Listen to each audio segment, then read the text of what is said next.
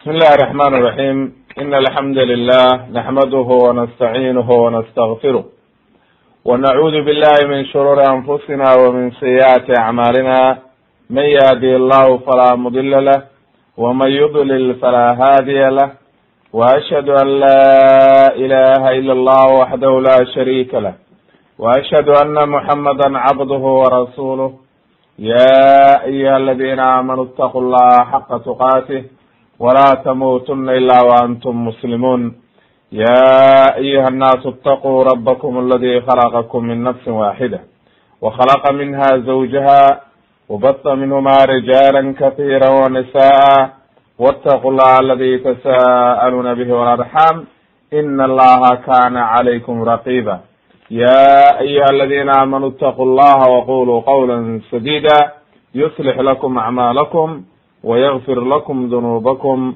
ومن يطيع الله ورسوله فقد فاز فوزا عظيما أما بعد فإن أصدق الحديث كلام الله وخير الهدي هدي محمد صلى الله عليه وسلم وشر الأمور محدثاتها وكل محدثة بدعة وكل بدعة ضلالة وكل ضلaalة في النار in sha allahu tabaaraka watacaala hadii rabeyno qeybtii ugu dambeysay qisatu ciisa calayhi salaam silsiladii qasas alambiya oo aynu ku jirnay nebigii ugu dambeeyey nabiyullahi ciisa.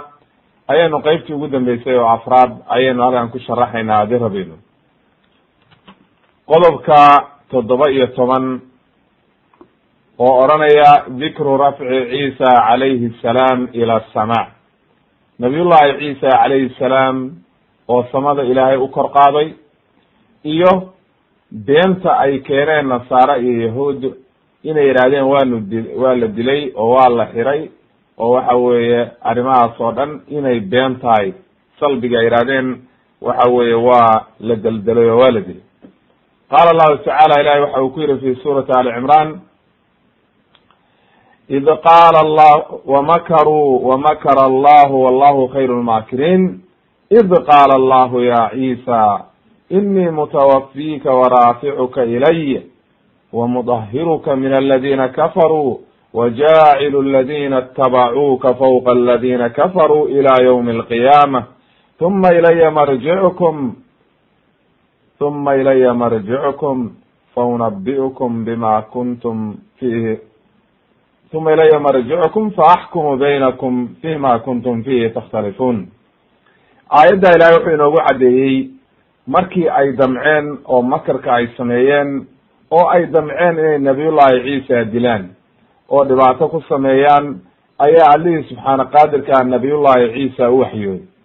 Oo ilaahay waxa uu yihi inii raaficuka inii mutawafika wa raaficuka ilay kor baan kuusoo qaadayaa oo waxa weye inta lagu oofsado oofsigaa marka waxa weeye isagoo hurda ayaa markaa kor loo qaadaya wamudahiruka min aladina kafaruu waan kaa dahirayaa kuwa gaaloobay wajaacilu aladina itabacuuka kuwii ku raacayna waxaan ka dhigayaa fawqa aladina kafaruu kuwii gaaloobay ayaan ka sarmarinayaa ilaa ywmi alqiyaama ilaa iyo qiyaama asaaca waa u jeedaa maanta nasaare iyo yahuud mar walba nasaarada unbaa sarraysa dhinac walba huma ilaya marjicukum faaxkumu baynakum kabacdina kulligiin saa u dhantihiin kuwii gaaloobay kuwii rumeeyey cid walba xaggayga ayaa loo soo celinaya qiyaama sa qiyaama la keenaya aakhiro. Faunabiukum faaxkumu baynakum waan idin kala xukumayaa fima kuntum fihi takhtalifuun wixii marka khilaafa oo halkaa lagu khila la isku khilaafay ayaa ilaahay xukminaya marka. Ama ha noqdo doodii ay la doodayeen nabiyullahi ciisa oo ay lahaayeen arrintiisi waa been ama ha noqoto iyaga dhexdoodii kulli halkaa ilahay baa kala xukminaya fi suurati nisana ilahay waxa uu ku yihi fabima naqdihim miithaaqahum wa kufrihim biaayaati illah wa qatlihim alanbiya bigayri xaqin wa qowlihim qulubuna gulfun bal tabaca allahu calayha bikufrihim falaa yuuminuuna ila qaliila markii laga hadlayey yahuudi ayaa ilahay waxa uu yihi macnaha waay fa bima naqdihim miithaaqahum sababtii maaragtay ay ballantii laga galay way buriyeen ay buriyeen sababtii ay ku buriyeen iyo gaalnimadooda aayadaha ilahay ay ku gaaloobeen haddana ay dilayeen. Waxa weeye nebiyadiina ay qowl baatila ka dhahayeen haddana ay laayeen nebiyadii iyo waxa weye maaragtay dhibaatada ay la yimaadeen ayaa maaragtay sababkeeda ayaa ilaahay qalbigoodii daboolay markii qalbigoodi ilaahay daboolay ayaan wax iimaana gelaynin oo ma rumaynaya sidoo kale wa bikufrihim wa qowlihim calaa maryama buhtaanan cadiima. Sababta ay ugu abuurteen maryama been abuurashada ay ku abuurteen sababtoodii bay ku gaaloobeen. Marka macalshaahidku waa aayaddan soo socota. Wa qowlihim ina qatalna almasiixa ciisa bna maryam. Iyo waxa weye qowlkooda ay leeyihiin ciisa ayaanu dilay oo waxa weye rasuulka ilaahay ahaa ayaanu dilay ilahay wuxuu yihi wamaa qataluuhu ma ay dilin wamaa salabuuhu. Mana ay xilin oo ma deldelin. Walakin shubbiha lahum. Waa loo tashbiihiyey oo waxa weye qof kalea loogu ekeysiiyey markaasay qofkii kala dileen iyagaa lagu dhuminay. Wa ina aladiina ikhtalafuu la fii shaki minhu. Kuwa isku khilaafeena shaki weyn bay ku jiraan oo waxa weye arrintaas aad bay uga shakisan yihiin oo isku khilaafeen. Ma lahum bihi min cilmin ila itibaaca dhanni. Cilmina ma haystaan ilaa dhanni inay iska raaceen mooye. Wama qataluuhu yaqiina. Sida xaqiiqada ma ay dilin oo waxa weye dhabta bal rafacahu allahu ilayh ilaahay baa kor u qaaday. Wa kana allahu casiizan xakiima. Waxa weye alihi subxaana qaadirka ayaa korgeeyey waana awoodaa kabacdin ilahay waxa uu yihi wa in min ahli lkitaabi ila layu'minana bihi qabla mawtih wa ywma alqiyaamati yakunu calayhim shahiida. Macnaha qiyaama saaca intuuna dhicinna nabiy llahi ciisa markuu soo dego oo uu yimaado dhulka waxa weeye ahlu kitaab badan baa rumayn doona oo waxa weye raaci doona oo waxa weye marka markuu saliibka burburiyo oo waxa weye uu kansiirka dilo oo jisyada uu diido oo islaamka uu dadka ku xukumo ayay raaci doonaan. Qaala ibn kathir raximah llah waxa yihi faakbara tacaala anahu rafacahu ila asamaa samada ayaa ilaahay u kor qaaday bacda ma tawafaahu binnawmi cala asaxiixi almaqduuci bihi macnaha inii mutawafika waxaa la wadaalay hurdadii isagoo hurdaa lagu riday hurdadii lagu riday marka markuu lulmoodo gamay ayaa ilaahay kor u qaaday isagoo hurda aan waxba ogin nimankii gaalada ah yahuudii iyo ciddii doonaysa inay dhibaato ku samaysana ilaahay waa ka dhex saaray oo wuxuu yihi ibnu kathir xilligaas macnaha sidii inoo soo hormartay ayay maaragtay rabeen inay dilaan oo boqorkii ayaa ciidamo ku soo saaray baa la meesha haystay.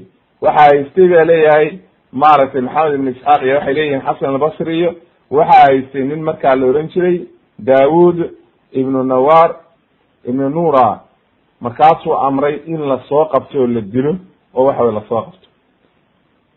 Waxay yimaadeen ba la yidhi marka nabiyullahi ciisa iyo saxaabadiisii oo baytulmaqdis jooga guri baytulmaqdis ka mid ah ayaa ciidamadii doonayey ayay yimaadeen habeen jumcaha ayay ahayd ba la yidhi oo ay soo gelayso galabtii jumcaha oo sabti soo gelaysay ayay soo hareereeyeen oo gurigii uu joogay ayay hareeraha ka soo istaageen. Falama xaana waqtu dukuulihim markay soo geli lahaayeen gurigii ayaa markaa ulqiya waxa ilaahay uu ku riday shabahahu sifaatkiisi iyo tilmaantiisi iyo nabiyullahi ciisa waxa loo ekeysiiyey nin kale oo saxaabadiisa ka mid a nabiyullahi ciisana waa la kor qaaday. Guriga dariishadiisa laga saaray. Allihii subxaana qaadirka ila sama ayuu u qaaday. Iyadoo intii la joogtayna ujeedaan in nabiyullahi ciisa uu kor loo qaaday. Wa dakala markaasa waxa soo galay askartii iyo wixii. Way eegeen markaasay fawajaduu waxay heleen dalika ashaab aladi ulqiya calayhi shabahahu. Waxay heleen wiilkii loo ekeysiiyey nabiyullahi muusa oo dhalinyarada ah nabiyullahi ciisa fa akhaduuhu way qaadeen iyagoo u malaynaya nabiyullahi ciisa markaasay dileen oo dhibaato ku sameeyeen oo waxa weye marka ay dileen. markaasay yahuudii waxay yihahdeen waanu dilay. Nasaaradiina markaasay yeeleen oo waxay yihahdeen haye waa disheen. Oo waxa weye maadaama uu nabiyullahi ciisaaba waaba kanba ogyahay waa disheen.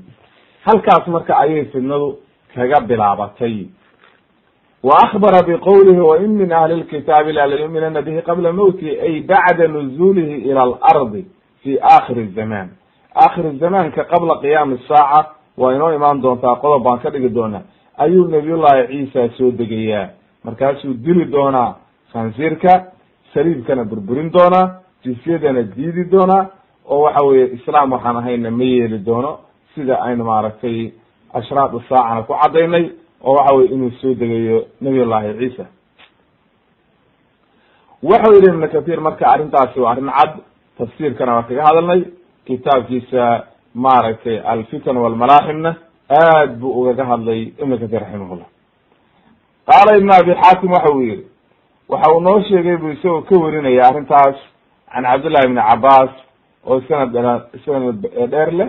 Waxa uu yihi cabdullahi ibni cabaas waftaraquu halaata firaq saddex qaybood ayay u qeybsameen ba lihi oo waxa weye ay isku khilaafeen oo waxa weye markii ay nabiyullahi ciisa la kor qaaday saddex qaybood bay uqeybsameen nimankii nasaaradii iyo yahuuddii meesha joogay macnaha saddex qaybood ayay uqeybsameen macnaha nasaaradii wey yahuud iyagu mar walba waxay ana waa dilay wuxuuna ahaa waladu zina iyagu waa baabkooda waa xiran fa qaalat daa'ifatun waxay yihahdeen kana allahu fiina maa sha uma sacida ila asama ilaahay baa nala joogay oo nabiyullahi ciisa bay ilaah ka dhigayaan kabacdina samaduu aadi.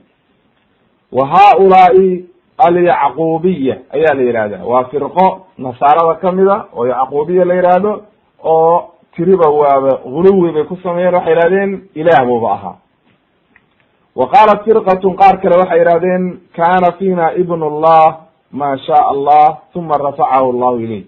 Maya waxaa nala joogay bay dhaheen ilaah ma ahayn ee wuxuu ahaa wiilki ilaahay ilaahay baana kor qaaday oo samadu aadi waxaa la yihahdaa qoladaana annasturiya oo waxa weeye waa firqo ka mid a nasaarada.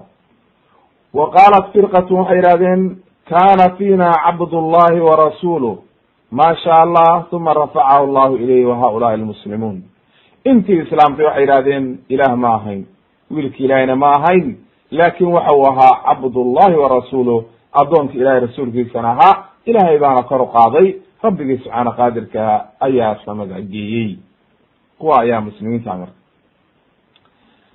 Waxa uu yihi xasan albasriya waxaa laga warinaya inuu yihi isagana kana cumru ciisa calayhi salaam yowma rufica arbacan wa halaaثiina sana laakin waxa weeye waxaa sugnaatay oo culamadu u badan yihiin inuu ahaa soddon iyo saddex sano. Waayo waxaa sugnaatay xadiid uu nebigu leeyahay ina ahla janna jannada dadka gelaya yadkhuluuna waxay gelayaan jurdan murdan mukaxalin abnaaa halaata wa halaatiin macnaha iyagoo shaaba jurdi waxa qofkaan weli garka iyo yelan timo iyo aan weli weynaanin wey. Macnaha iyagoo dhalinyaro ah oo waxa weye maaragtay indhakuulan oo aad u qurux badan ayay jannada gelayaan oo soddon iyo saddex jiro ah da-du markay ugu fiican tahay soddon iyo saddex jir uu qofku maaragtay qaymo yeesho oo waxa weye caqligiisu mutakaamil uu noqdo wey.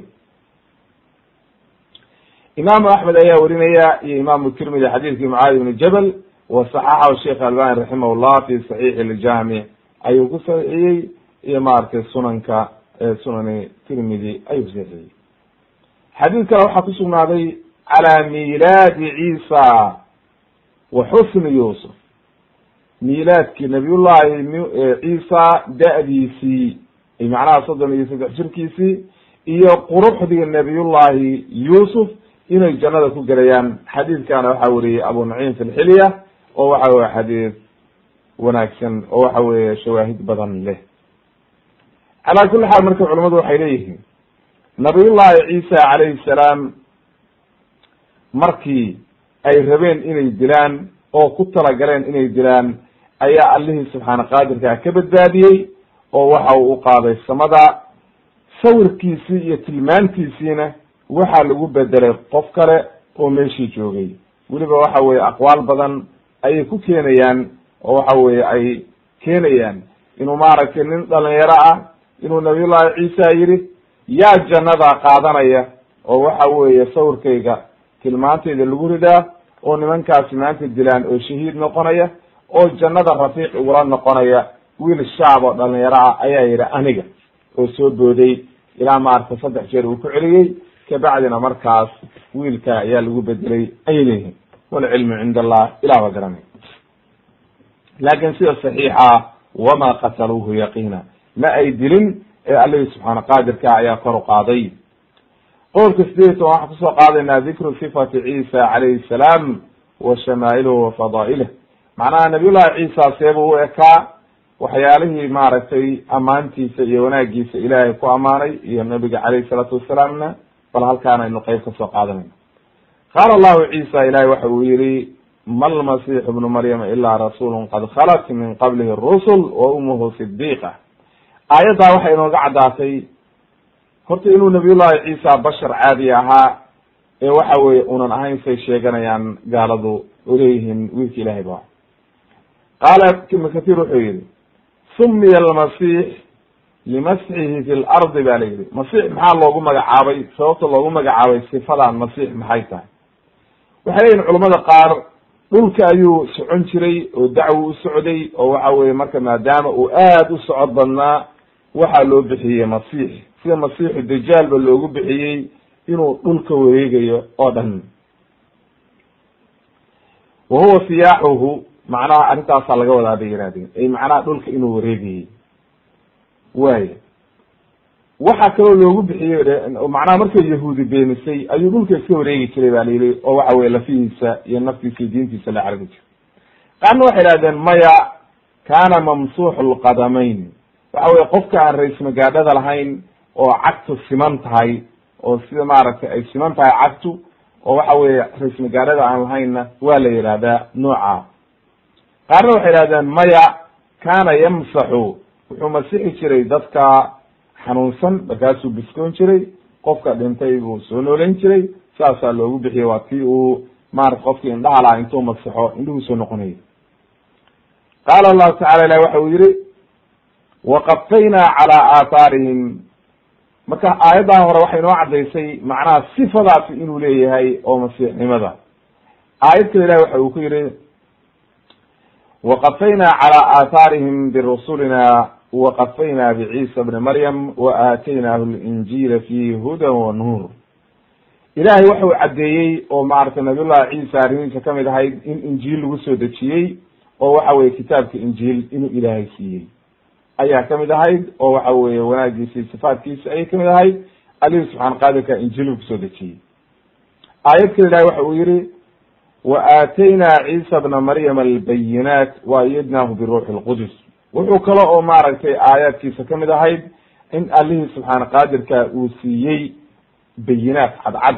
Aayado cadcad oo mucjisooyina kabacdina markaa lagu xoojiyey maaragtay malaku jibriil oo daa'iman uu la socday. Nebigana calayhi salaatu wasalaam waxa uu inoo soo horumartay xadiidkii ahaa sifaatka nabiyullahi ciisa ka mid ahaa inaan shaydaanku u dhowaanin ilmaha kale oo dhan inuu shaydaanku markuu dhasho kilida uu ka gujinayo laakin nabiyullahi ciisa inaan shaydaan agmarin oo waxa weye inu u dhowaanin ayaa inoo soo hormartay. Waxaa kaloo inoo soo hormartay xadiidkii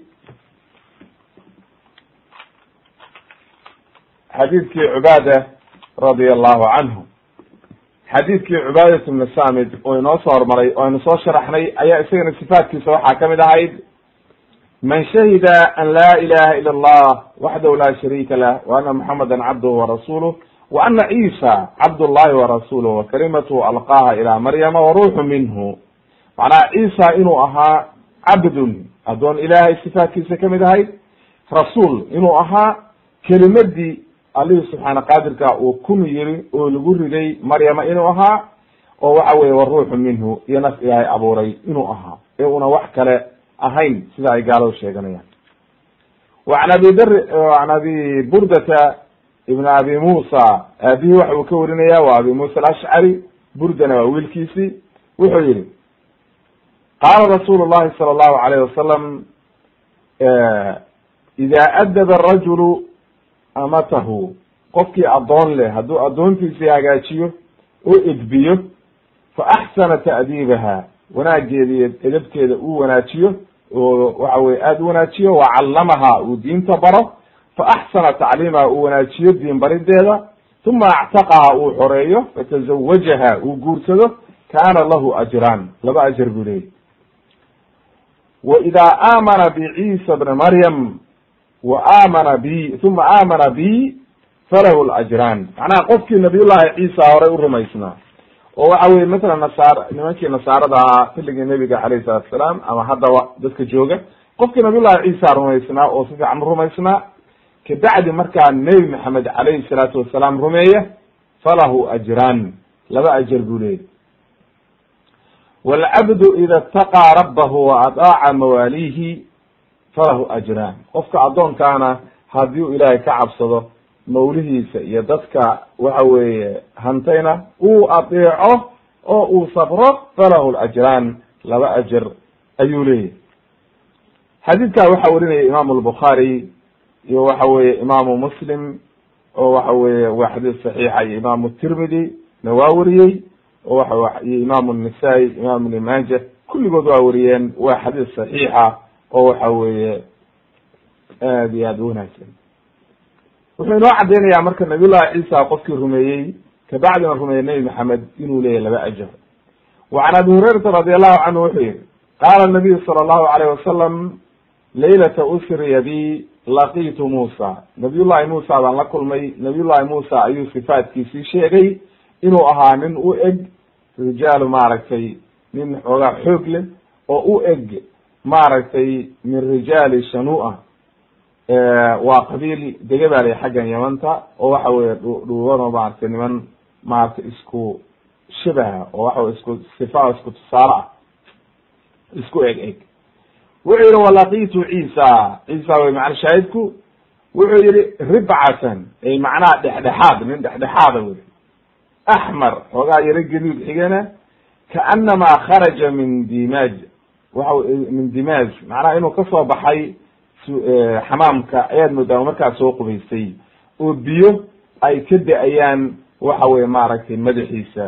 Wara'aytu ibrahim wa ana ashbahu waladahu bih aniga ayaa aada ugu eg. Xadiidkaa inoo soo hormaray oo qisatu muusa iyo qisatu nabiy llahi ibrahim labadaba waa ku soo sheegnay. Waa xadiis saxiixa oo waxa weye maaragtay sugan sidoo kale can cabdillahi ibni cabas waxaa laga warinaya inuu yihi nabiga calayhi salatu salaam wuxuu yihi ra'aytu ciisa wa muusa wa ibrahim fa ama ciisa fa axmar nin gaduudan buu ahaa ay macnaha axmarka oo waxa weye aan aad ninkaan u caddayn weye oo waxa weye masalan carabta iyo reer bani israail iyo ayaa aada sifadaa ugu badan. Jacdun cariid cariid sadri ay macnaha nin xabad weyn oo xoog leh waa la isku amaanaa carabta markii la yidhahdo ninkaasi waa cariid sadri macnaha nin xabadkiisu ballaaran yahay xoog bay kutusinaysaa oo waxa weye xoog le buu ahaa.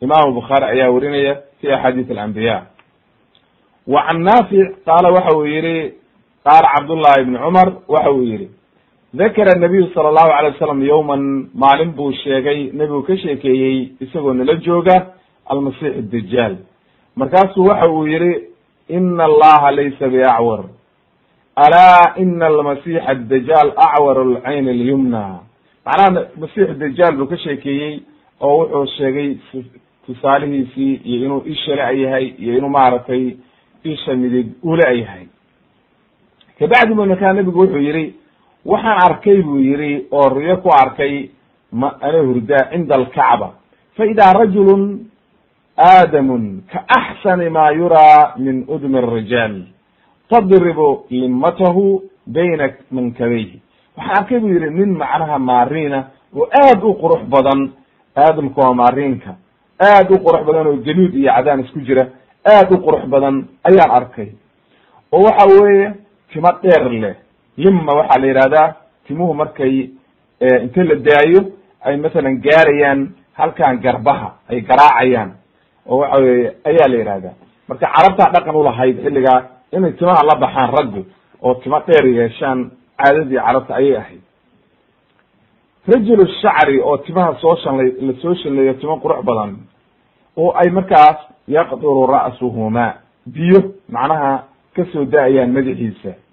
Waadican yadayhi calaa mankibey rajulayni laba nin isagoo waxa weeye garbahooda gacmaha saa ugu hayo. Ay laba meleg laba meleg baa haysa oo uu maaragtay sida markaasuu gacmaha ku hayaa oo waxa weye sidii wax duulay oo kale. Saa marka ay dhawaafinayaan waxa weye wahuwa yatuufu bilbeyt isagoo beytka dhawaafay. Qultu waxaa ihi man hada qaala waxa ihi almasix ibnu maryam. Waa nabiy llahi ciisa calayhi salaam ayaa la yidhi. Xadiidkana waa xadiis saxiixa imam albukhaari ayaa werinaya iyo waxa weye maaragtay imaamu muslim ayaa werinaya oo waa xadiis saxiixa wuxuu kutusayaa marka xadiidkani fawaa'ida kale oo kutusaya xataa waxay tahay inay waxa weye nebiyadii iyaga oo dhintay iyagoo matalan adduunka laga qaaday ama dhintay ama la kor yeelay inay haddana cibaadeysanayaan oo allihii subxaana qaadirka ay waxa weye caabudayaan. Beytka ilahi ba dawaafaya waad u jeedaa qaala zuhriy wuxuu yihi marka nebigu wuxuu yihi calayhi salaatu wasalaam waxaan aad ugu shabahay buu yihi ninka la oran jiray ibnu qadan macnaha ninkaas wuxuu ahaa ba la yihi marka nin kamida qabiilkii khusaaca la oran jiray oo waxa weye jaahiliyadii ayuu dhintay oo gaalnimo ku dhintay sida imaam zuhri u leeyahay. Haddaba marka nebiga calayhi salatu salaam waa caddeeyey sifaatkii masiixu dajaalna waa caddeeyey sifaatkii nebi ciisena waa caddeeyey. Aakhirka marka markuu soo dega nabiyullahi ciisa ayaa lagu garanaya sifaatkiisa qofkii mu'min oo maalintaa jooga ayaa markaasaa ku rumaynaya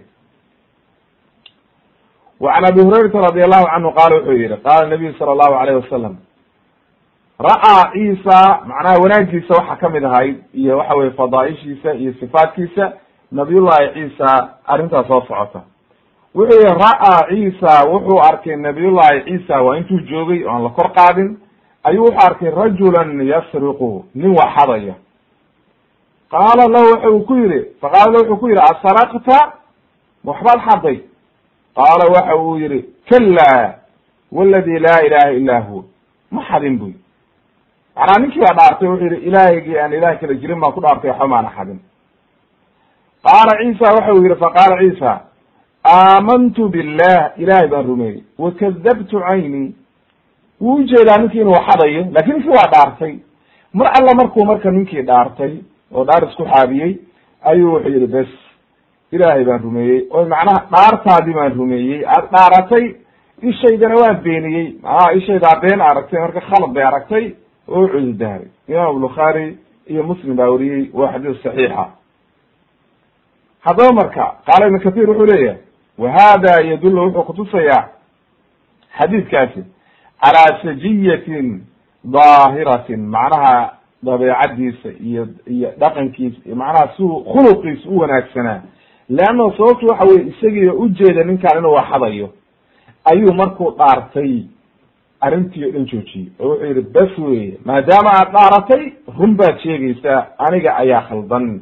Oo waxa weye ishayda waan beeniyey leanna dhaarta ilaahay cayaar maaha qofka si kastoo aad ugu jeedid waxa weye mar haddii uu dhaartay wuxuu yihi aamantu billah ay sadaqtuka wakadabtu basarii liajli xalfika macnaa maadaama aad dhaaratay waxa weeye adiga ayaan ku rumeeyey bes weye marka w sidoo kale qaala cabdullahi ibn cabas waxa uu yihi qaala rasuulu llahi sala allahu alayh wasalam tuxsharuuna waxaa layda soo kulminayaa xufaatan curaatan gurla idinka oo waxa weeye xufaatan cagacad ur curaatan qaaqaawan gurla balagteeda kalooso aan gudnayn ayaa laydin soo kulminaya uma wuxuu akriyay nebigu kama badana awala khalqin nuciidu wacdan calayna ina kuna faaciliin markaasu waxa uu yihi fawalu lkhalqi yuksaa ibrahim midda ugu horeysa qofka ugu horreeya oo dhar la huwinaya maalinta yowma alqiyaame waa ibrahim nabiy llahi ibrahim. Leanna waa kii dharka inta laga dhigay dabka lagu riday. Ilahay wuxuu ugu ballan qaaday marka qofka ugu horreeya aakhira dhar la huwiyo inuu noqdo nabiy llahi ibrahim calayhi salaam. Uma yu'khadu birijaali min asxaabii rag dadkaygii dad ka mid ah oo waxa weye ummadayda qeyb ka mid ah oo waxa weye raggii xilligaa joogay ama saxaabadii nebiga markaa dee ummadii joogay le munaafiqiin baa ku jira iyo waxa weeye acraabiyiinti iyo wixii ridoobay ayaa data alyamiini wa data ashimaal macnaha dadkii baa la qaybinaya qaarna jannadaa loo qaybin loo kaxaynaya qaarna naarta dadkii muslimiinta. Fa aqul waxaan leeyahay asxaabii asxaabii. Markaasaa waxaa la odhanayaa fa yaqulu waxaa la odhanaya inahum lan yazaaluu murtadiina calaa acqaabihim mundu faaraqtahum. Macnaa markii aad ka soo dhaqaaqday ayay ridoobeen oo in badan baa ridoobay ayaa la odhanaya fa aqulu markaasaan waxaan leeyahay kama qaala alcabdu asaalix ciisa bnu maryam nabiy llahi ciisa sida uu yiri ayaan oranaya waxaan oranaya wa kuntu calayhim shahiida ma dumtu fiihim falama twafaytanii kunta anta raqiba calayhim wa anta cala kuli shayin shahiid in tucadibhum fainahum cibaaduka wain takfir lahum fainaka anta alcaziiz alxakiim macnahaas sifadii nabiy llahi ciisa uu ku jawaabay baan ku jawaabayaa markii uu nabiy llahi ciisa ilaahay weydiiyey a anta qulta linnaasi itakhiduuni wa umiya ilaahayni min duni illah wuu jawaabay nabiyullahi ciisa oo wuxuu yihi anigu ilaahayow ma oran waxaad i amartay waxaan ahayn wa kuntu calayhim shahiidan ma dumtu fiihim aniga intaan la joogay un baan ka markhaanti ahaa wixii ay sameeyeen laakiin markaad i oofsato iga soo kor qaaday aniga waxba kama garanayo laakin haddaad cibaadi haddaad cadaabaysidna waad awoodaa waa addoomadaadii haddii aad cafiyeysidna hadda waad awoodaa saas oo kale ayaa nabigana calayhi salaatu wassalaam ayaan oran doonaa bui xadiidka imaam bukhaari baa wariyey waxdii saxiixa. Xadiidkan marka qowlka oranaya qodobka oranaya asxaabii birijaali min asxaabi ama qowlkaa odhanaya inahum lan yazaaluu murtadiina cala acqaabihim mundu faaraktahum ayaa dad badana ku khaldameen sida shiicada iyo wax la mid a oo waxay dhahaan saxaabadii waa ridooday kalaamkaasna waa baatil waxa weeye saxaabadii ma ridoobin. Hal nin oo saxaabiya oo nebiga saxaabadiisii ma ridoobin.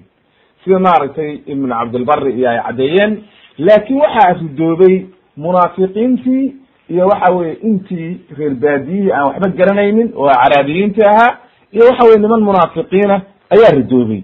Awalna dee munaafiqiintu gaalay ahaayeene diinba ma soo gelin marka waxa weye nebiga calayhi salatu salaam saxaabadiisii rismiga ahayd oo rumaysay oo imaanku dhab ka ahaa ma ridoobin oo waxa weye ee waxaa laga wada arkaan haddi muslimiinta marka la keeno ummadda nebi maxamed munaafiqiintii kulli waa ku jiraan marka munaafiqiintii oo dhan ayaa ku dhex jira. Munaafiqiintii iyo kabacdi markaa markii saxaabadii kabacdi dadkii ahlu bidaca ahaa waxa weye shirkiga sameynayey. Waxaasoo dhan oo muslimiin sheeganayey ayaa hadhow xagga loo kaxaynaya oo xawdka nabiga laga celinaya oo caleya xagga naarka aad. Walciyaadu billah allahuma la tajcalna minhum wacan ibni cabaas radi allahu canhu wuxuu yihi samica cumar yaqulu cala almimbar mimbarkan ka maqlay cumar ibn khadaab oo ku khudbaynaya mimbarka oo le samictu rasuula allahi sala allahu alay slam rasulka ilah baan ka maqlay o ohanaya laa tudirunii kama darat nasara ciisa bna maryam. War waxa weye xadkayga hay dhaafinina idiraag waxa wey qofka inaad xadkiisa dhaafisid war xadkayga hay dhaafinina. Siday nasaara u dhaafisay waxa weye nabiy llahi ciisa. Oo ay gaarsiiyeen wuxuunan ahayn. Hay gaarsiinina fa inamaa ana cabdun. Waxaan ahay addoon ilaahay. Faquluu cabd llahi warasuuluh dhahaya waa addoonka ilahay rasuulka ilahina ahaa waayo nasaaro way dhaafiyeen oo waxay yihahdeen waa wiilki ilaahay ama waa ilaah ama waa thalithu thalaatha. Marka waxa weye waxaasoo kale ha oranina tihiin muslimiintii. Ee waxaad dhahdaan rasuulku waa cabdullahi wa rasuuluh. Waa rasuulki ilaahay waana addoonkii ilaahay.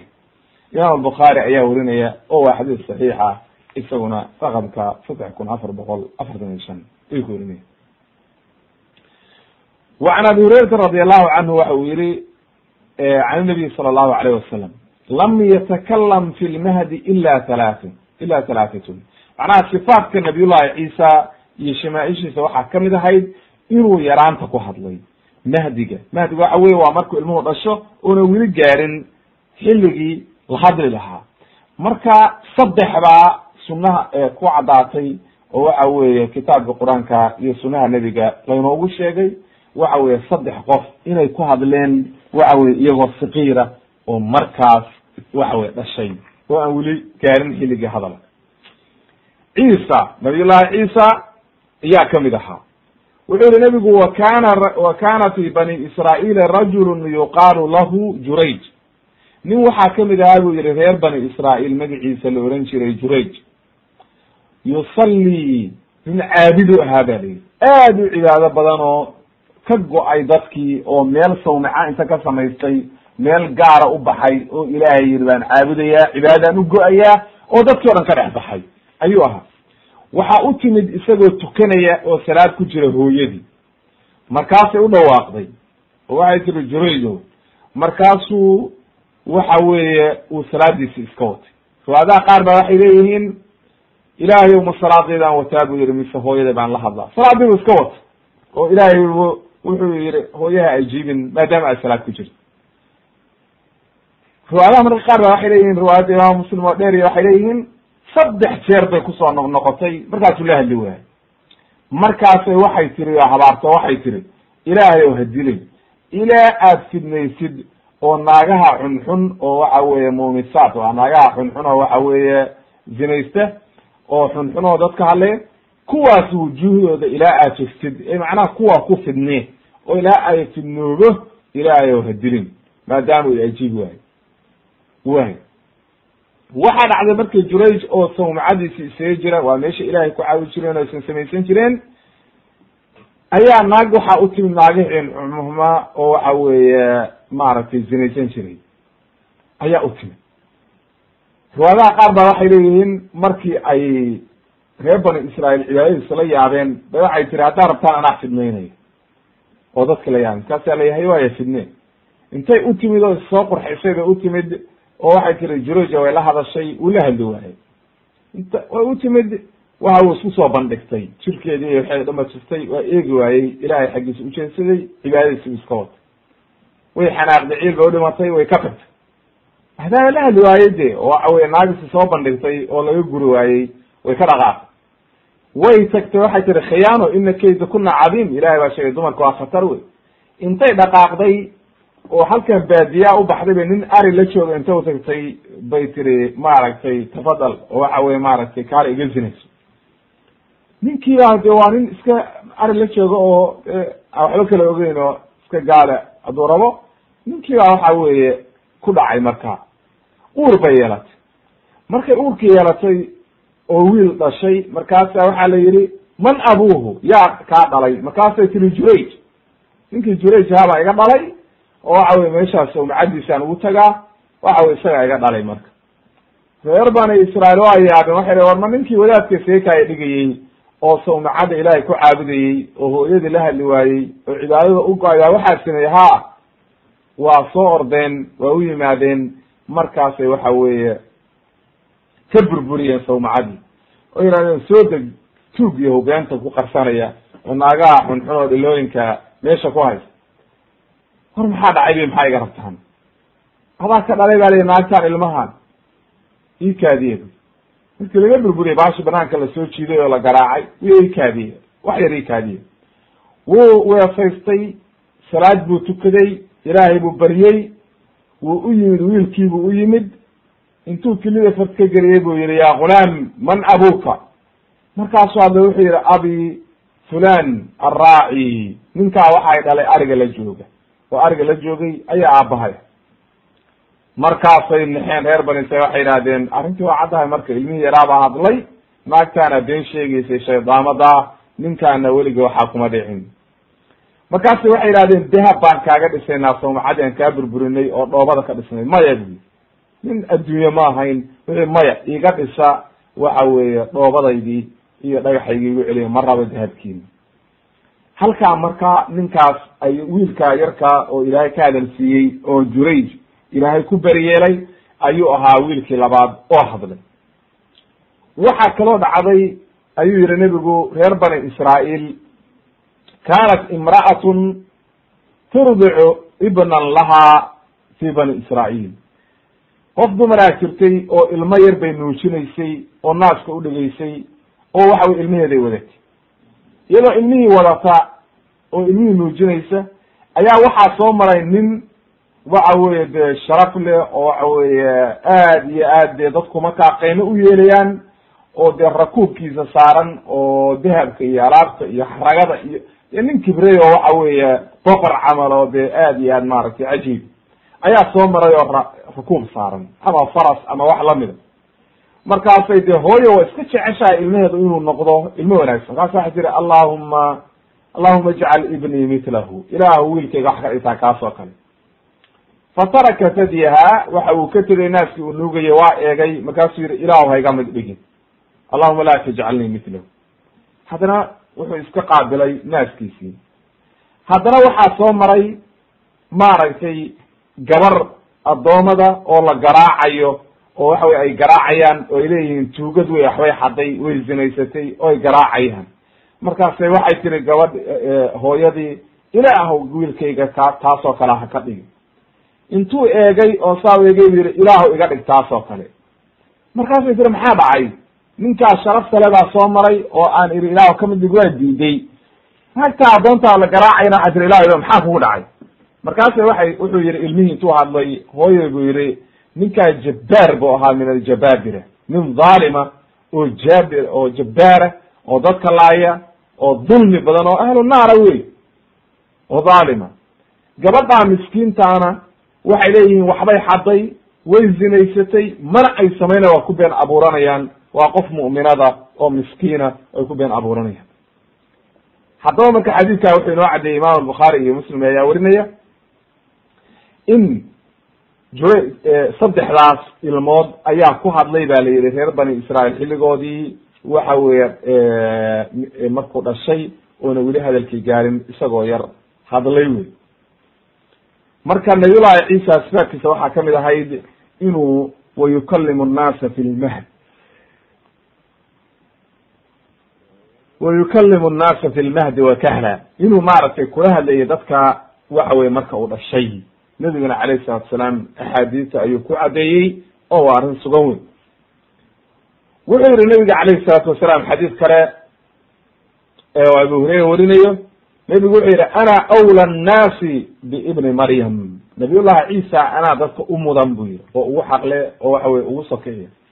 Walambiyaau buu yihi awlaatu callaatin macnaha ambiyadu buu yihi waa walaalo mathalan awlaatu callaat waxaa la yidhahdaa ninka dhowr xaas leh ilmaha kala bahbahda ah ayaa la yidhahdaa macnaha callaat aabbaha laga wadaa. Macnaha awlaad aan isku hooyo ahayn laakin isku aabba. Wuxuu yihi walaysa baynii wa baynahu nabiyun.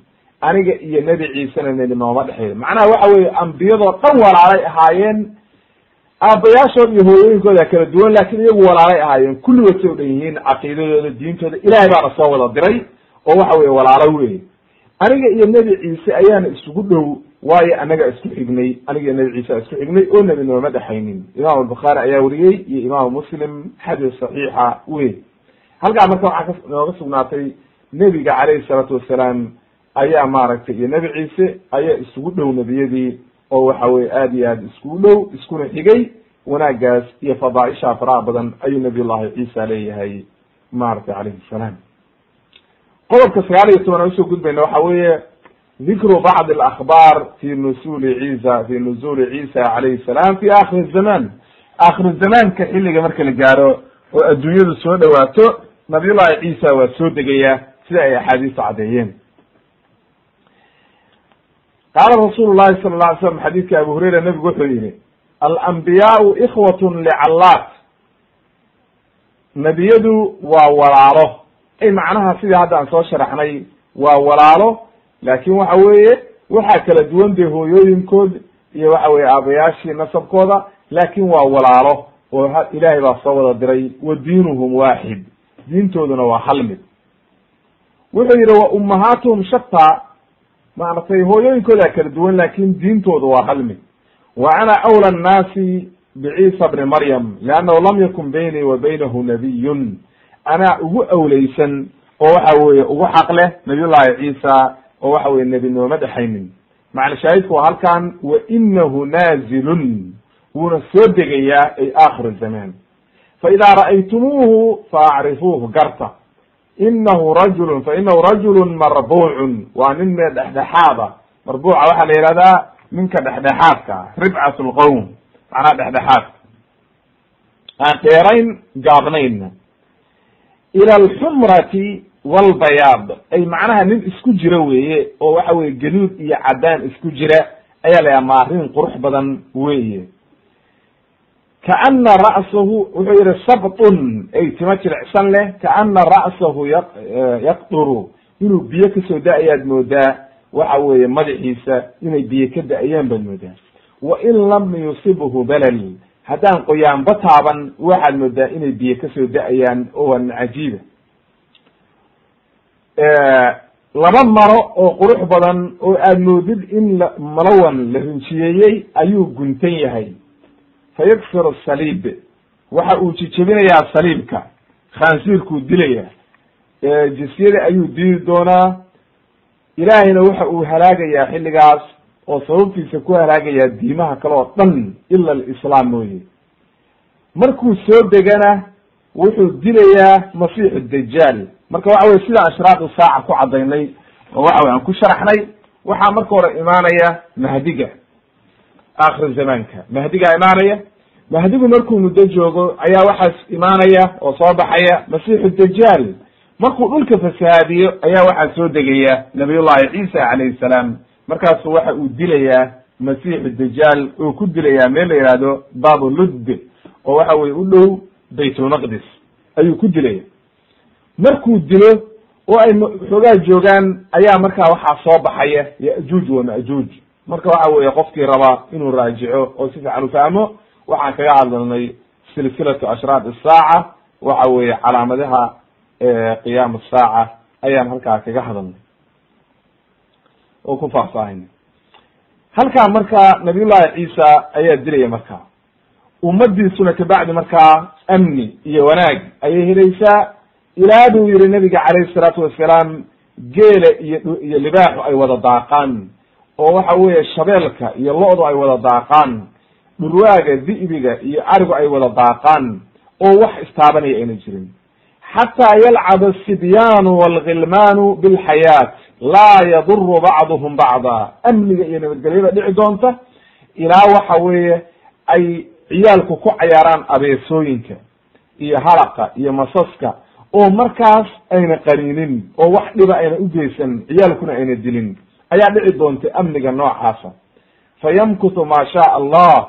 Intii ilaahay doono ayuu joogayaa markaa oo rabbigii subxaana qaadirka uu doono ayuu joogaya kabacdi wuu dhimanaya markaa wuu dhimanaya markuu dhinto ayaa muslimiintu ku tukanayaan oo xabaalayaan oo dhulka lagu xabaalaya xadiidka imaamu axmed baa werinaya oo waxa weye waa xadiis sugan oo imaamu axmed ayaa werinaya oo saxaxahu sheekh albani raximahullah fi silsilati axaadiis saxiixa.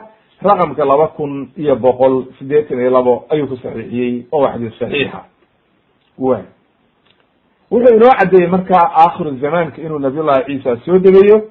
Waxa weeye wanaagga na la imaanayo masiixu dajaalna uu dilayo amni iyo nabadgelyana uu dhulku noqon doono ayuu inoo caddeeyey xadiidka sidoo kale xadiid kale laga warinayo abi hurayra waxa uu leeyahay.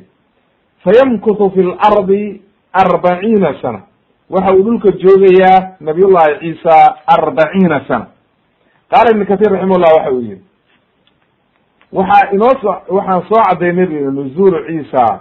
Kitaabka waxaan ku cadaynay bu yihi alfitna walmalaaxim ayaan kaga hadalnay waa kitaabka ka sheekeeya fitanka iyo ashraad usaaca iyo wax oo dhan halkaa marka ayaan qowlkaasna ku soo guurinay marka ashraad usaaca sharaxaynay ashraad usaaca wuxuu yihi marka qawluhu tacaala wain min ahli lkitaabi ila layuminana bihi qabla mawti wa ywma alqiyaamati yakunu calayhim shahiidan. Halkaa ayaa qofkii raba ka raajici kara kitaabka tafsiirka ayuu xataa kaga hadlay ibn kathir iyo qawluhu tacaala aayaddaa hore waa fi suurati nisa boqol konton iyo sagaal.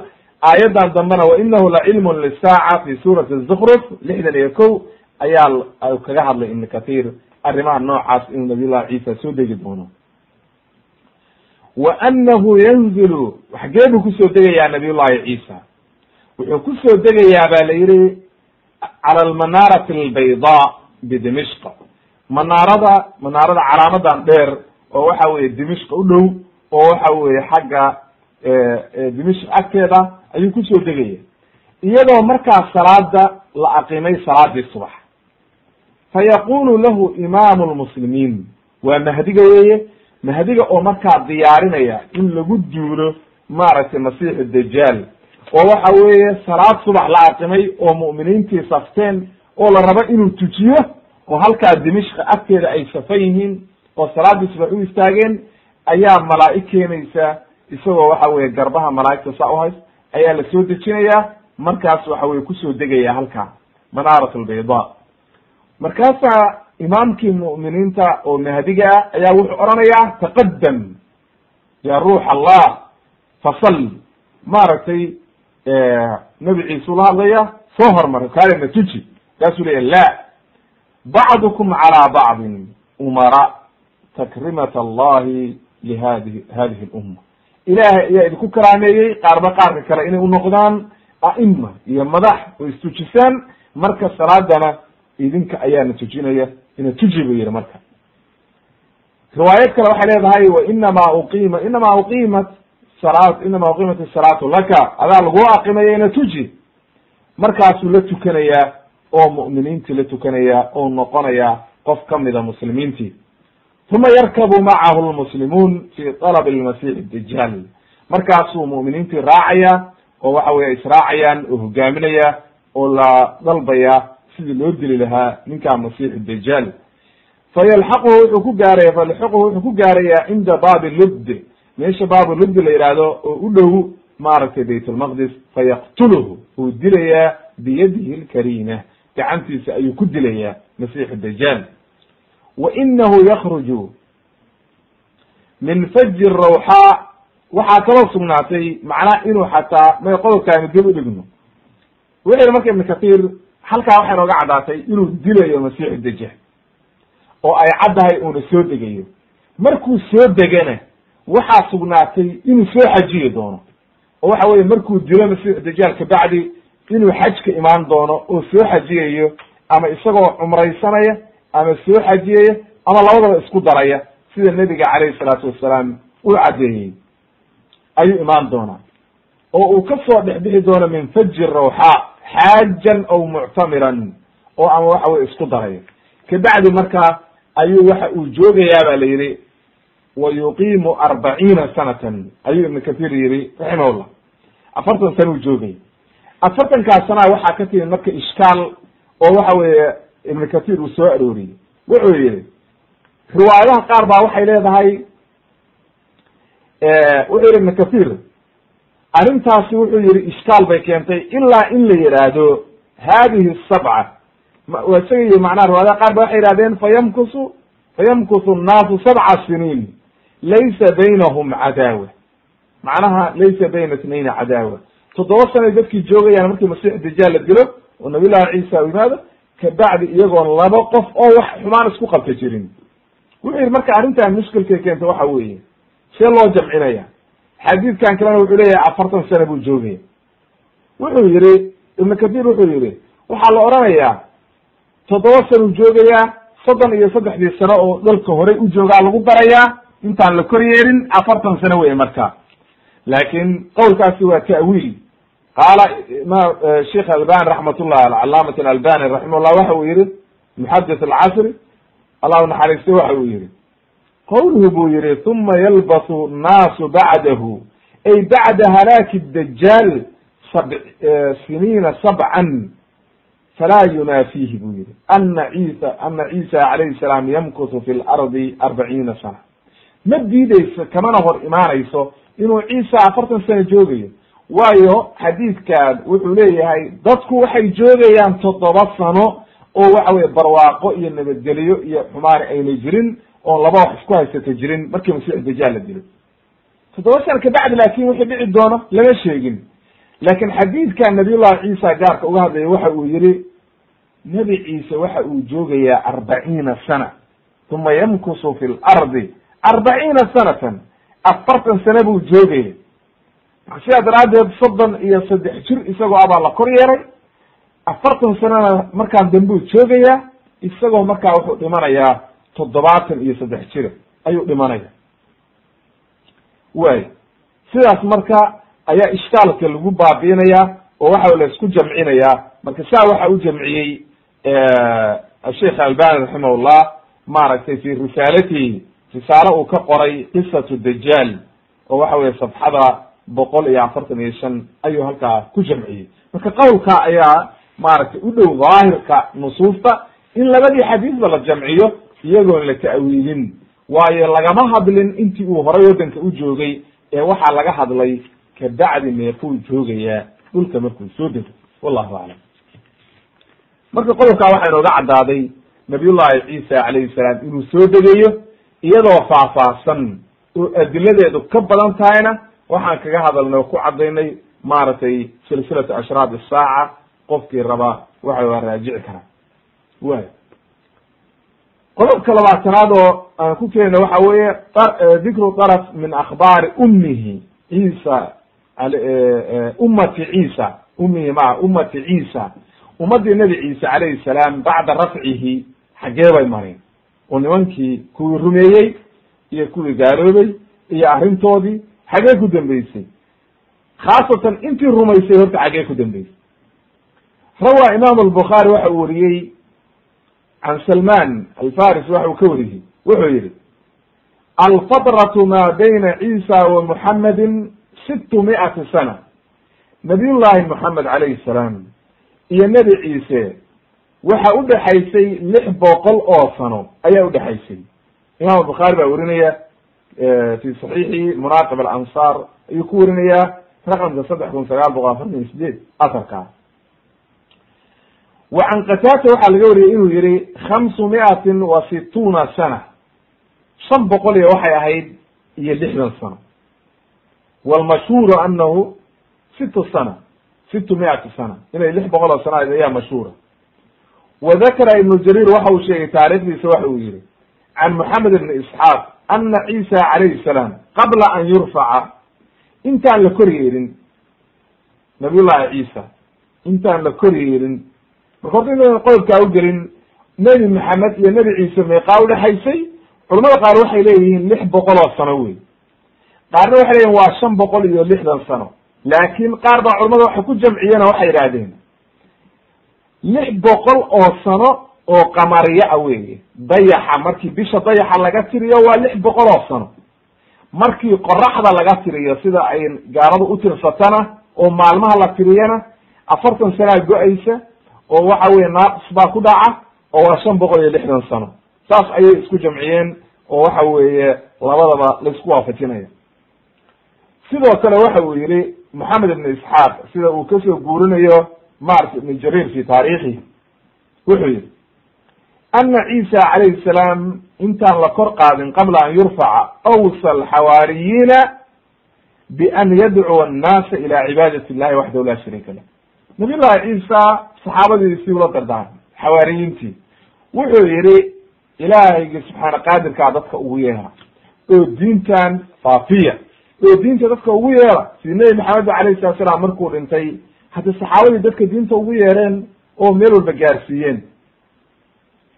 Wuxuu yihi wacayana kula waxidi minhum ilaa daa'ifatin min annaas fi iqliim min alaqalimi maaragtay min asham walmashriq wa bilaad alcarab qaar mashriq buu u diray xagga sham buu u diray oo waxa weye xaggan sham suuriya iyo dhulkaasu qaar u diray iyo waxa weeye baytulmaqdis iyo dhulkaas o dhan baa sham la isku ohan jiray.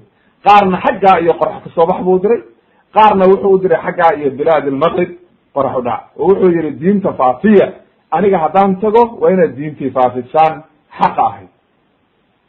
Wuxuu yihi wadakara kayru waxidin ibn kathir wuxuu yihi rag badan waxay sheegeen ana alinjiila kitaabkii injiilo lagu soo dejiyey naqalahu canhu arbacatun afar baa ka soo naqlisay nabiyullahi ciisa calayhi salaam. Oo si saxiixa u soo naqlisay inkastoo wax ka kala duduwan yihiin kabacdina way bedbedeleen laakin horta afartaasi markii hore waa soo naqliyeen ba layihi luqa wa mata wa markash wa yuxana afartaa nin baa soo naqlisay ba layihi nin walba oo soo naqliyay magaciisi baa loogu magac daray ba la yihi wixii uu soo naqliyey. Wa bayna hadihi alanajil bu yihi ibn kathir alarbaca tafawutun kathir binisbati ila kuli nuskatin wa nuska macnaha markii iyaga la isbarbar dhigo waxyaalo badan bay ku kala duduwan yihiin. Oo dee khaladaad bay ku dhex dareen oo waxa weye aqwaal badan. Ila nin walba qaar buu weydiinaya sannadkii iyo wixii baa ka qarimay waxa weye waxyaalo badan oo khalada ayay ku dhex dareen. Oo waxna waa ku kordhiyeen waxna waa ka nusqaamiyeen nin walba waxbuu keenay zaa'ida. Waana dhici kartaa dee nin walba qaar inuu wax ka maqlay ninka kalena ziyaado kale ka maqlay oo saa la isugu dardaray oo waxa wey markaas ay saa tahay. Wuxuu yihi marka afartaa nin buu yihi oo soo naqlisay. Minhum itnaani miman adraka almasiix wa ra'aahu. Laba nin waxay ahaayeen saxaabadii nabiyullahi ciisa oo wayba arkeen. Waa ninka la yidhahdo mata iyo yohana labadaa nin oo soo naqliyey hadda nasaarada aad yohana way u isticmaalaan oo waxa weye aad bay maaragtay yohanahu waa mashruur waa mashhuur wey labadaa nin marka waxay ahaayeen ba la yihi saxaabadii nebi ciise calayhi salaam oo wayba arkeenba iyagu raggii la kulmay oo diinta ka bartay bay ahaayeen. Labadan kale oo waxa weye labadan kalena taabiciintii bay ahaayeen oo waxay arkeen nimankii saxaabadii arkay nabiyullahi ciisa waa markash iyo luuqa. Labadaa nina taabiciin bay ahaayeen. Marka dee sida inaguba hadda aynu taabiciintii iyo waxa weye saxaabadii iyo kulli ay noogu soo naqliyeen diinta iyo axaadiista wax walba ayay arrintooda sa ahayd. Ay. Marka saasaa loo soo naqliyey kabacdina khaladaad badan baa dhex galay oo dhibaatooyin badan ayaa ku darmay oo way kala yaacday marka.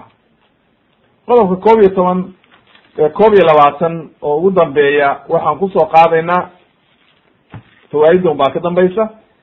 Ikhtilaafu asxaabi almasix calayhi salaam bacda rafcihi ila asamaai fiih way isku khilaafeen ba la yihi markii nabiyullahi ciisa kor loo qaaday. Qaala ibnu katir wuxuu yihi ikhtalafa asxaabu lmasix bacda rafcihi ila asamaai cala aqwaalin aqwaal fara badan bay iskugu khilaafeen oo aad u fara badan sida uu ibnu cabaas iyo keyrkiiba sheegay min aimati salaf.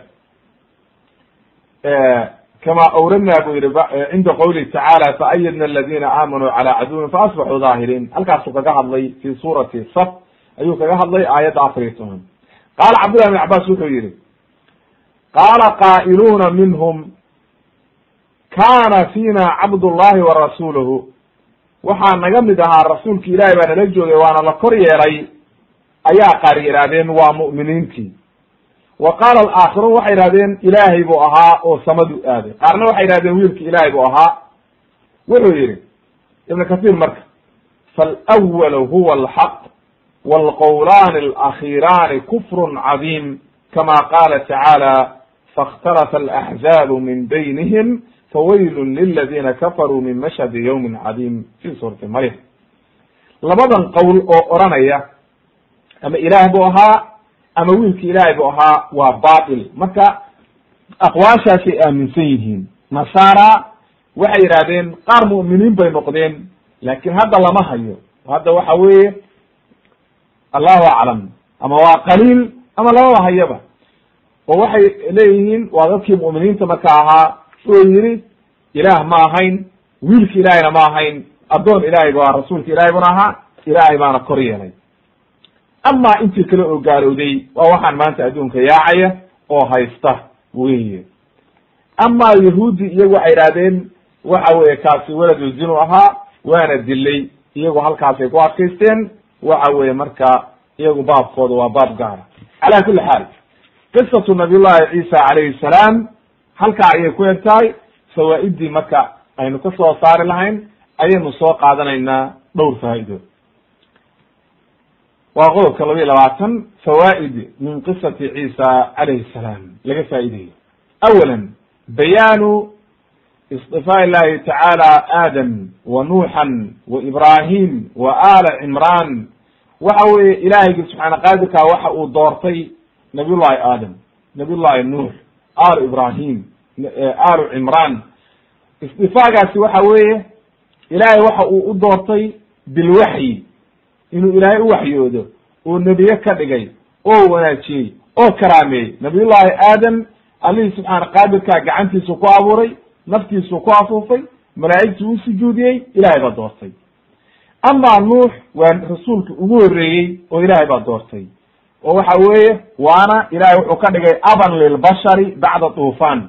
Oo caalamka waxa ummad maanta joogto oo dhan waa duriyadii nabiyullahi nuux calayhi salaam leannahu markii duufaantii kulli waa la halaagay ilaa waxa weye kabacdina intii mu'miniinta ahaydna waxaa badbaaday oo faracday ba la yihi saddexdii wiil oo nabiyullahi nuux u dhalay w ama waxa weye nabiyullahi ibrahim ilaahay baa doortay oo waa khaliil raxman ama alu cimran ilaahay baa doortay oo maryama ka dhaliyey iyo waxa weye nabiyullahi ciisa oo dad wanaagsan bay ahaayeen qodobka labaad bayaanu ana ciisa laysa biibn illah walaa huwa allah walaa thalitha thalaatha bal huwa cabdun. Waxa weye waa addoon lilahi cabdullahi wa rasuuluhu. Hooyadiina waa maryam. Waxay noo caddaatay inuu unan ilaah ahayn oo waxa weeye wiil ilaahay ahayn oo say sheeganayaan kalaamkooda baatil yahay ee uu yahay addoon ilaahay oo rabbigii subxaana qaadirka uu abuuray inuu yahay ayaa halkaa inooga caddaatay wa waxaa kaloo inoo caddaatay qodobka saddexaad istijaabat llahi tacaala liducaai awliyaa'ihi. Ilaahay dadkiisa wanaagsan waa ajiiba oo waxa weeye qofkii barya alihi subxana qadirka waa ajiiba. Waayo markay gabadhii xanna ay ka magangelisay maryama iyo duriyaddeedaba shaydaanka ilaahay ilaahay waa ajiibay oo waxa weeye ilaahay waa ka nabadgeliyey shayaadiinti shaydaankii awlaadeedii afar waxa weye alictibaaru bilgayr qofka kale markaad aragtid inaad ku cibro qaadatid. Waayo sababto waxa weye nabiyullahi zakariya wuxuu ku cibro qaatay markuu arkay wanaaggii maryama ayuu ilaahay ka baryey awlaad saalixa. Marka markaad aragtid qof haysta awlaad wanaagsan isagana u ducee ilaahayna ka bari awlaad wanaagsan. Shan waxa weeye mashruuciyat ducaa. In ilaahay la baryo iyadoo weliba xiliyada gaarka oo siraysatid ood si gaara ilaahay u baridid. Lix waxa weeye fadlu maryam calayha assalaam wa annaha sadiqatun. Maryamo wanaageedii inay run sheegahayd oo waxa weeye wa annaha min akmal nnaas. Allihii subxaana qaadirka inuu doortay oo ay tahay dumarka dumarka ugu sharaf badan oo waxa weeye fi dunya walaakhira inay waxa weye sharaf iyo wanaag lahayd jannadana ay wanaaggaas ay leedahay. Toddoba waxa weeye ahlu lqurbi min allahi hum ahlu daacati ahlu daacatihi waxa weye ilaahay dadka u dhow waxa weye waa dadka ilaahay adeeca oo waxa weye cibaadada iyo u taagan daacada ilaahay dadkaas ayaa ilaahay u dhow mar walba sideed waxa weeye mashruuciyat liqtiraac macnaha in saamiga waxyaalahan la yidhahdo hala saanyoodo oo waxa weye qori tuurashada inay bannaan tahay diimihii hore iyo diinteenaba waa ku bannaan tahay sagaal waxa weeye bayaanu sharafi ciisa wa wijaahatuhu fi dunya walakhira wa anahu min almuqarabiin nabiy llahi ciisa sharaftiisa inuu yahay kuwa ilaahay adduunka iyo aakhiraba. Sharaf u yeelay lana soo dhoweynayo aakhira kuwa muqarabiinta ah inuu ka mid yahay. Toban waxa weeye nabiy llahi ciisa takalama fi lmahdi waxa weeye maadaama uu isagoo yar hadlay aayad mucjisaa weeye oo kutusinaysa allihii subxaana qaadirka wax walba inuu awoodo. Leanno isagoo radiica oo naaska nuugaya ayuu ku hadlay. Kalaamkii ugu horreeyey oo ku hadlayna wuxuu ahaa caqiido iyo tawxiid oo wuxuu yihi inii cabdullah aataniya alkitaab. Midda koob iyo toban waxa weeye fadlu lxikmati wa hiya alfiqhu fi ddiin qofka ilaahay xikmad uu siiyo waxa weye aad bay u wanaagsan tahay waatuu ilahay lahaa yu'ti alxikmata man yashaa waman yu'ta alxikmata faqad uutiya khayran katiira qofkii ilaahay uu cilmi siiyo oo xikmad siiyo leanna waa fahamka diinta xikmaddu iyo inuu sunaha nebiga fahmo qofku waa wax wanaagsan wey labiyo toban qiyaamu lxujati calaa nasara najran waxa weye nimankii nasaarada oo najraan deganaa nebigu xujadiiba ku oogay waa u caddeeyey waxay ku socdaan inuu baatil yahay. Ilaahayga subxaana qaadirkaana ayaa aayado badan ku soo dejiyey waa loo caddeeyey marka. Markii loo caddeeyeyna way diideen oo gaalnimadoodii ayay ku adkaysteen walciyaadu billah saddex iyo toban waxa weye alislaamu diin alambiya wa saa'ir albashariya fa kullu diinin gayruhu batil islaamku waa diintii nebiyadii oo dhan. Oo nebiyadoo dhan diintoodu waxa weye waa alislaam. Wa diinuhum waaxid buu yihi nebigu qof walba oo diinta islaamka galana waa muslim qofkii diidana waxa weeye diin ma haysto oo baatilnimo ku socda.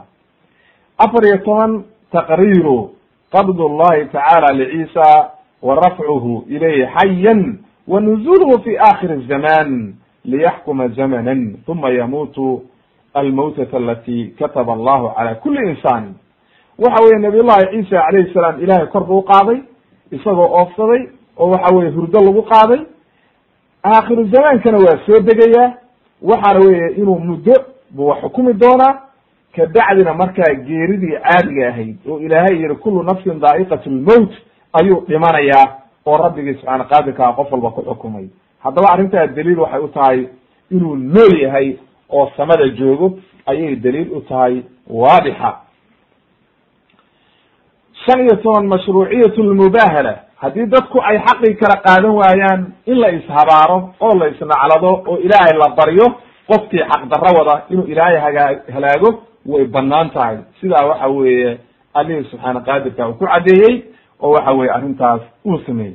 Laakiin allihii subxaana qaadirka de waxay arrintaa noqonaysaa dadka saalixiinta ah oo xaqa ku taagan inay dadkii markay xaqa ugu yeeraan haddii ay ka qaadan waayaan markaa mubaahaladu way bannaan tahay lix iyo toban taqriiru luluhiya ilaahnimada ilaahay oo waxa weye allihii subxaana qaadirkaa keligii inuu cibaadada xaq uleeyahay aan cid kale la siinaynin. Wa budlaanu dacwa nasaara. Nasaaraduna kitaabka ay sheegteen oo ihahdeen ciise waa wiilka ilaahay ama waa thalithu thalaatha inuu baatil yahay ay tusayso toddobiyo toban kown lmalaa'ika malaa'igtu inay isku soo shabahaan khalqiga ayaa waxa weeye inoo caddaaday oo waxa weeye malaku jibriil markuu u yimid waxa weeye nabiyullahi maryama markuu u yimid maryama wuu u caddeeyey oo waxa weeye rabbigi subxaana qadirka wuxuu yihi fatamatala lahaa basharan sawiya. Wuxuu isugu soo ekeysiiyey bashar. Qof caadiya ayuu isugu kas isugu soo ekeysiiyey ayuu marka malaa'igtu wixii ilaahay uu doono oo sidii ilaahay u idmo ayay isku shabahaan. Awood bayna uleeyahy alihi subxaana qaadirka ayaa arrintaas ku shaqale sideed iyo toban waxa weeye mashruuciyat tacawud billahi min kuli ma yukhaafu min insaanin aw janin wax walbaad ka cabsatid ilahay ka magan gal. Haddaad dad ka cabsatid ilahay ka magan gal jinniga wax walba kulli ilahay waa laga magan galaa oo waxa weye maryama wataa ka magan inii acuudu biraxmani minka in kunta taqiya. Haddaad taqi tahay ilahay baan kaa magan galay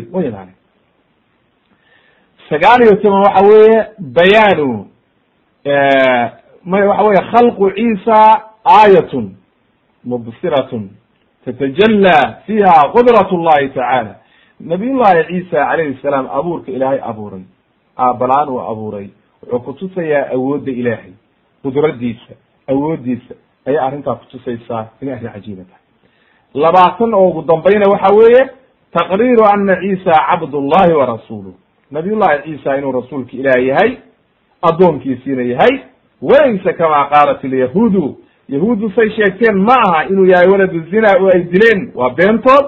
Nasaaradana inay yidhahdeen waa wiilki ilaahay waa beentood. Laakiin qowlka saxiixa waxa weeye nabiyullahi ciisa inuu yahay cabdullahi wa rasuuluh wa kalimatuhu alqaaha ila maryam wa ruuxu minhu. Qowlkaas ayuu yahay qowlka saxiixa oo allihii subxaana qaadirka kitaabka qur'aanka ku caddeeyey sunnaha nebigana ku caddaatay qowlkaasaa marka loo baahanya inuu qofku qaato islaamka iskana ilaaliyo kalaamka baatilka oo ay la meeraysanayaan oo ay leeyihiin ciise waa wiilkii ilaahay waa xagga kalaamkoodaas oo dhan waa baatil weeye walcilmu cinda allah intaa ayaa marka ku soo gebagabaynaynaa qisatu ciisa calayhi salaam nabiyullahi ciisa qisadiisii. Ugu dambayntii waxaa inoo hari doonta khatimatu qisas alambiya oo aan khatimi doono oo sifaatka nebiyadu ay wadaagaan aan ku soo gebagabayn doono. Intaa marka ayaan ugu dambaysiinaynaa wasubxaanaka allahuma bixamdika ashhadu an laa ilaha illa anta astaqfiruka waatubu ilayk. Wax walba oo khalada oo qasas alambiya iga dhacay allihii subxaana qaadirka ayaan uga toobad keenayaa qof walba oo islaama oo khalad ku arkayna oo waxa weeye waxaan ka rajaynayaa inuu iga naseexeeyo oo igu baraarujiyo kasna uma aana samaynin ee wax ama sabqu lisaan ama cilmi yariya ama waxa weye si kala noqotay waxa weye rabbigii subxana qaadirka ama dembi dhaaf ka weydiisanayaa ilahayna waxaan weydiisanayaa ijtihaadkaas iyo wanaagga inuu alihi subxaana qaadirka iga aqbalo. Wallahu waliyu maaragtay ilahiyga subxaana qaadirka ayaa maaragtay awood u leh inuu iga aqbalo. Ilahay baanan ka baryayaa qof walba islaamna inuu ku anfaco oo ka faa'iidaysta wasubxaanaka allahuma bixamdika ashhadu an laa ilaha illa anta astaqfiruka waatubu ilayk walxamdu lilah rabi alcalamin